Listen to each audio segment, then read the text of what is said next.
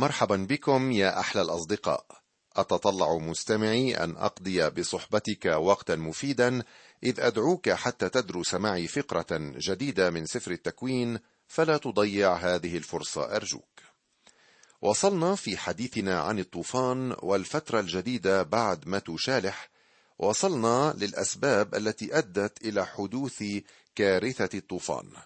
رأينا أن قايين وهابيل نظامان كبيران أو إن شئت هما فئتان من الناس المخلصون والهالكون المبررون لذواتهم ومنسحقو الروح المعترفون بشفاههم والمؤمنون الحقيقيون.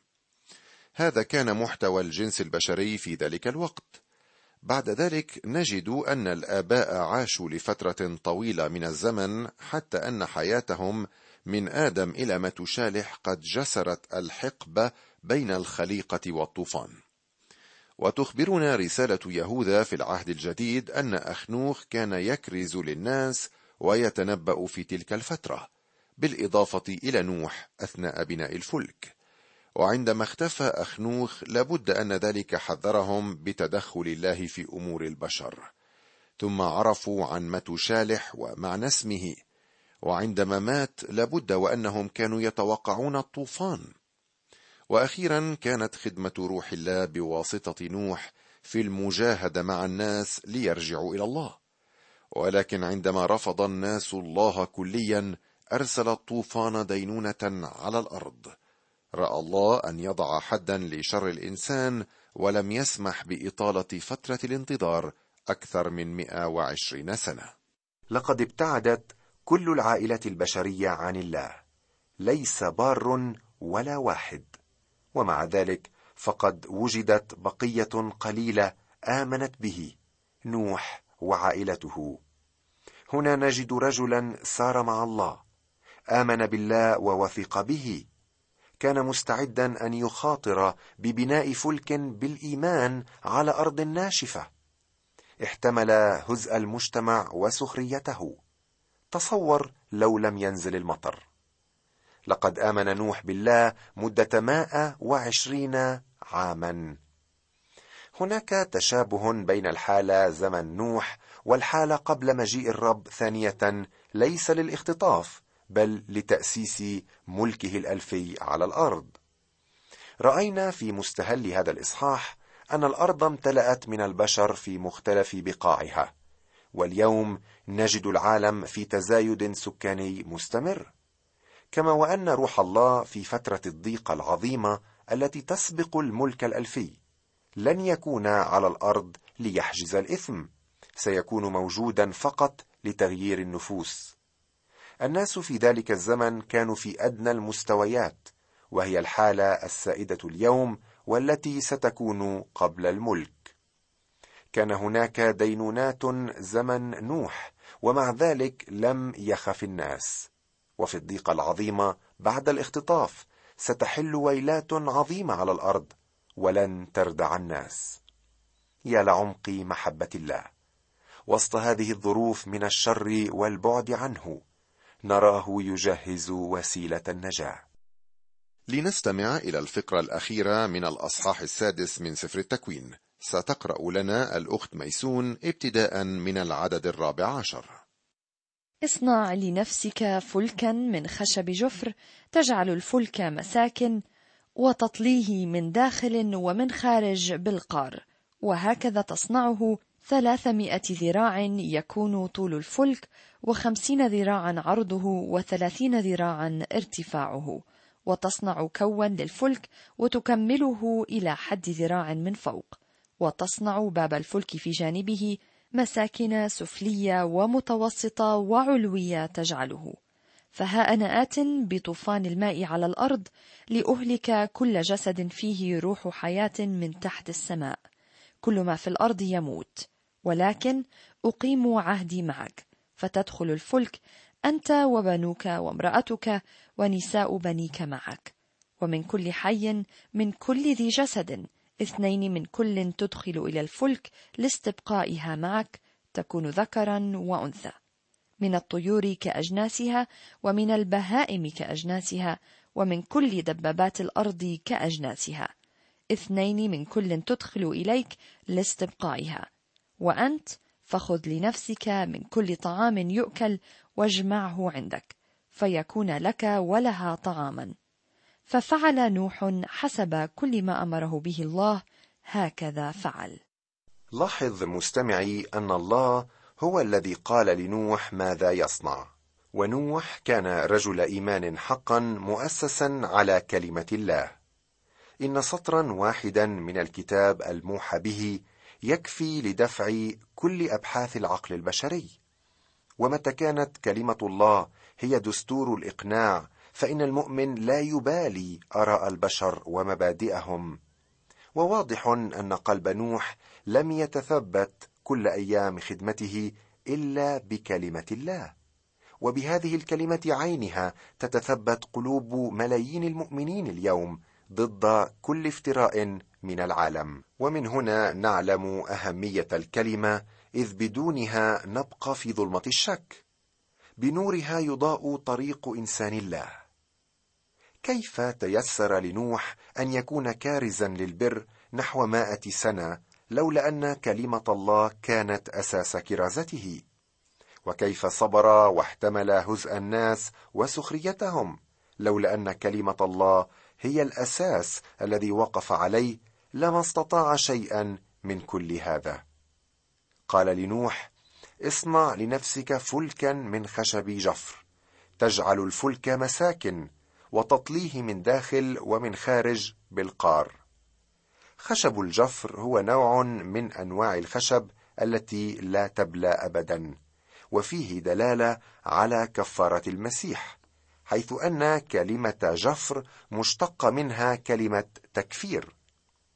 كلمة مساكن هنا تشير إلى الأعشاش أو الأوكار وقد رتب نوح لكل حيوان مسكنه حسب حجمه. وجعل الفلك مضاد للماء. وهكذا تصنعه. ثلاثمائة ذراع يكون طول الفلك وخمسين ذراعا عرضه وثلاثين ذراعا ارتفاعه. الانطباع الذي يأخذه الناس عن الفلك هو شكل بيت على هيئة سفينة. ولكنني أشك في ذلك التصوير المبسط. لقد أعطى الله الإرشادات لبناء الفلك التي تدل على حجمه الكبير. طوله ثلاثمائة ذراع والذراع يساوي ثمانية عشر انشا أي ما يعادل خمسة وأربعين سنتيمترا. فإذا كان طول الفلك ثلاثمائة ذراع فستكون النتيجة حوالي مائة وخمسة وثلاثين مترا.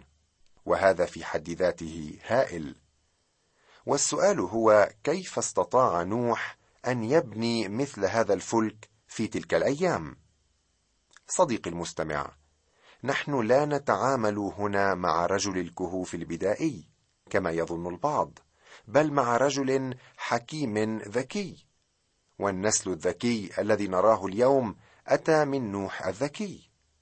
تذكر أن نوح لم يكن يبني باخرة ضخمة كسفينة التايتانيك الشهيرة لتمخر عباب المحيطات. ولكنه بنى ملجأ للنجاة بيتا لحماية الإنسان والحيوان لفترة معينة من الزمن. من أجل ذلك لم يحتوي الفلك على المقومات الموجودة في البواخر اليوم الأمر الذي جعله أكثر سعة. وتصنع كوا للفلك وتكمله إلى حد ذراع من فوق وتضع باب الفلك في جانبه مساكن سفلية ومتوسطة وعلوية تجعله. وهذه النافذة لم تكن مربعا صغيرا على جانب الفلك بل كانت تحيط بقمة الفلك ويغطيها السطح من فوق. إنها طريقة عملية للتهوية وهي مستخدمة اليوم في الصالات الرياضية الكبرى. أما الباب الوحيد للفلك فكان في الجانب. والباب مهم جدا لأنه يشير إلى المسيح الذي قال عن نفسه أنا هو الباب. كما كان الفلك يتكون من ثلاثة طوابق علوية ومتوسطة وسفلية. فها أنا آت بطوفان الماء على الأرض لأهلك كل جسد فيه روح حياة من تحت السماء. كل ما في الأرض يموت. إنها الدينونة اتيه على العالم. ولكن أقيم عهدي معك فتدخل الفلك أنت وبنوك وامرأتك ونساء بنيك معك. ومن كل حي من كل ذي جسد اثنين من كل تدخل إلى الفلك لاستبقائها معك. تكون ذكرا وأنثى من الطيور كأجناسها ومن البهائم كأجناسها ومن كل دبابات الأرض كأجناسها. اثنين من كل تدخل إليك لاستبقائها. يجب أن نعلم هنا أن نوح لم يخرج للصيد لالتقاط هذه الحيوانات وتجميعها. هي أتت إليه. كانت الحيوانات تشعر بالخطر فأتت. هكذا عادة. وأنت فخذ لنفسك من كل طعام يؤكل واجمعه عندك فيكون لك ولها طعاما. ففعل نوح حسب كل ما أمره به الله وهكذا فعل. لابد وأن نوح قد جمع الكثير من القش ليطعم كل هذه الحيوانات. قد تقول لي ولكن ماذا عن الحيوانات التي تأكل اللحوم؟ لابد وأنها أكلت بعضها البعض. ولكن قبل الطوفان كان الإنسان والحيوان يأكلان الخضار. أجل مستمعي هذه هي التعليمات التي أصدرها الله الخالق الأمين الذي شاء أن يستبقي سلالة من كل ذي جسد برغم طوفان الماء الكاسح الذي كان عتيدا أن يرسله على الأرض. نتابع الحديث عن فلك نوح في الأصحاح السابع الذي سأنتقل إليه فورا. ولكن قبل ذلك سأطلب من ميسون أن تقرأ لنا من الآية الأولى وحتى السابعة عشرة من هذا الفصل السابع. وقال الرب لنوح ادخل أنت وجميع بيتك إلى الفلك لأني إياك رأيت بارا لدي في هذا الجيل.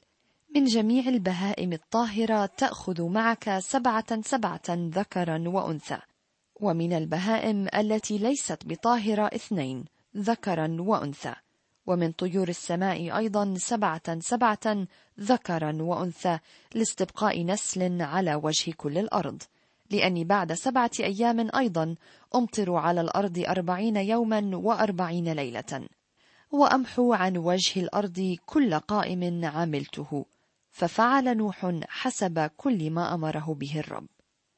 ولما كان نوح ابن ستمائة سنة صار طوفان الماء على الأرض فدخل نوح وبنوه وامرأته ونساء بنيه معه إلى الفلك من وجه مياه الطوفان.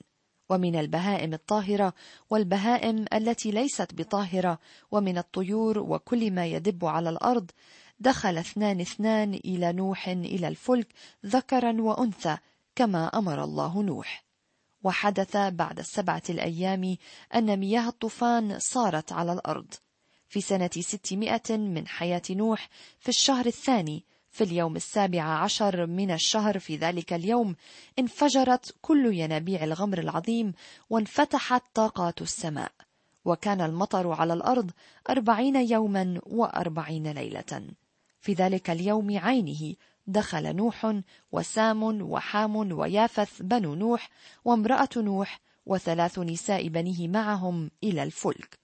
هم وكل الوحوش كأجناسها وكل البهائم كأجناسها وكل الدبابات التي تدب على الأرض كأجناسها وكل الطيور كأجناسها كل عصفور كل ذي جناح ودخلت إلى نوح إلى الفلك اثنين اثنين من كل جسد فيه روح حياة والداخلات دخلت ذكرا وأنثى من كل ذي جسد كما أمره الله وأغلق الرب عليه وكان الطوفان أربعين يوما على الأرض وتكاثرت المياه ورفعت الفلك فارتفع عن الأرض. لقد أتت اللحظة الحاسمة إذ أن أنات ربنا ورحمته قد انتهى موعدها. وقال الرب لنوح ادخل أنت وجميع بيتك إلى الفلك لأني إياك رأيت بارا لدي في هذا الجيل. لماذا كان نوح بارا؟ بالإيمان كما قرأنا في رسالة العبرانيين. بالإيمان نوح بنى فلكا. لهذا خلصه الله. لقد آمن بالله فحسب ذلك له برا. تماما كما حدث مع إبراهيم كما سنرى فيما بعد. هل لاحظت مستمعي إحسان الله مع هذا الرجل طيلة فترة الدينونة هذه؟ قال الرب له ادخل. نداء جميل تفتتح به الرسالة. وهنا يأتي الفعل ادخل بمعنى أن المتكلم ينادي نوح أن يدخل إليه. وهذه نفس الدعوة التي يقدمها يسوع للبشرية. تعالوا إلي يا جميع المتعبين والثقلي الأحمال وأنا أريحكم. ثم نقرأ بعد ذلك في العدد السادس عشر من تكوين سبعة أن الرب أغلق عليه. أليس هذا رائعا؟ ثم يفتتح الإصحاح الثامن بهذه الكلمات ثم ذكر الله نوحا. لم ينسى الله نوح لأن الله لا ينسى أولاده وهو لا يتخلى عنهم. الأمر الوحيد الذي ينساه يا صديقي هو خطيتك بعد أن تعترف له بها. إنه أمر غاية في الروعة. كم أود صديقي المستمع لو أنك تقارن أحداث الطوفان في الكتاب المقدس مع الكتابات البابلية القديمة فإنك حتما ستلحظ السخف فيها. ولكن إن دلت على شيء فإنما تدل على أن هذه الأحداث يوجد لها أصول وأساسات حقيقية. من أين لهم أن يخترعوا مثل هذه القصص؟ لابد وأنهم قد قرأوها في الكتاب ثم ابتدعوا قصصهم منها. تقول الكتابات البابلية عن الطوفان إنه جاء نتيجة حرب بين الآلهة. هل في هذا منطق؟ أم أن المنطق يكمن في كون الطوفان دينونة على شر الإنسان وفساده؟ من جميع البهائم الطاهرة تأخذ معك سبعة سبعه ذكرا وأنثى ومن البهائم التي ليست بطاهرة اثنين ذكرا وأنثى ومن طيور السماء أيضا سبعة سبعه ذكرا وأنثى لاستبقاء نسل على وجه كل الأرض. قد نرى تناقضا هنا لأن الله قال في البداية أن يأخذ نوح اثنين من كل نوع من الحيوانات وهنا نرى أنه أخذ سبعة من البهائم الطاهرة. الجواب سهل. بعد الطوفان قام نوح بتقديم ذبيحة لله. كيف كان بإمكانه عمل ذلك لو لم يأخذ حيوانات إضافية معه؟ لقد أخذ سبعة من الحيوانات الطاهرة ليقدم ذبيحة لله وحتى لا تنقرض هذه الحيوانات. إني بعد سبعة أيام أيضا أمطر على الأرض أربعين يوما وأربعين ليلة وأمحو عن وجه الأرض كل قائم عملته. لم يبق بعد سوى تنفيذ القضاء. كان هناك فرصة للنجاة لمدة سبعة أيام. كان الله سيخلصهم لو فاتوا. سبعة أيام فقط. ولكن عين الرب كانت ترمق بالحب والإحسان ثمان أنفس ومن أجلهم كان هناك سبعة أيام. وكأن الرب أراد أن يجنب الأنفس الثمان تجربة بقائهم حتى اللحظة الأخيرة فأدخلهم الفلك قبل القضاء بسبعة أيام. لما كان نوح ابن ستمائة سنة صار طوفان الماء على الأرض فدخل نوح وبنوه وامرأته ونساء بنيه معه إلى الفلك من وجه مياه الطوفان. ومن البهائم الطاهرة والبهائم التي ليست بطاهرة ومن الطيور وكل ما يدب على الأرض دخل اثنان اثنان إلى نوح إلى الفلك ذكرا وأنثى كما أمر الله نوحا. كما أسلفت الذكر أن الحيوانات هي التي أتت إلى نوح لم يذهب نوح لإحضارها. في سنة ستمائة من حياة نوح في الشهر الثاني في اليوم السابع عشر من الشهر في ذلك اليوم انفجرت كل ينابيع الغمر العظيم وانفتحت طاقات السماء وكان المطر على الأرض أربعين يوما وأربعين ليلة. فعلا من لم يستفد بالمواعيد لا بد أن يصيبه التهديد. لقد أمهل جيل العصاه ما يربو على المائه سنه صبرا كارزا بواسطة عبده نوح وفي فلكه العتيد. ثم نقرأ من العدد السادس عشر والداخلات دخلت ذكرا وأنثى من كل ذي جسد كما أمره الله وأغلق الرب عليه. وكان الطوفان أربعين يوما على الأرض وتكاثرت المياه ورفعت الفلك. فارتفع عن الأرض. والآن ما هو الدليل العلمي والتاريخي على حقيقة الطوفان؟ يوجد كتاب باللغة الإنجليزية ألفه دارس ضليع في العهد القديم بالاشتراك مع دكتور في هندسة المياه واسم الكتاب طوفان التكوين. يبين هذا الكتاب الرائع أن الطوفان كان كونيا كان بمثابة كارثة كونية لها دليلها التاريخي. لن نتطرق إلى هذا الموضوع. يمكنك مستمعي أن ترجع إلى الكتب المختلفة حول هذا الشأن. وقبل أن أودعك أيها العزيز على أمل اللقاء لي كلمه اخيره معك. ما زال المسيح يوجه دعوته لك اليوم تماما كما وجهها لنوح في القديم ولمعاصريه في بداية العهد الجديد. هل ستستجيب له وتدخل من باب الفلك الذي يشير إلى المسيح لتخلص به وتنجو من العقاب. أم أنك ستستمر في عنادك وصم أذانك عن تلك الدعوة السماوية؟ تذكر أن هناك دينونة آتية على البشرية جمعاء. على كل الذين رفضوا دعوة المسيح تماما كما حصل في الطوفان. تعال إليه يا أخي تعال قبل فوات الأوان.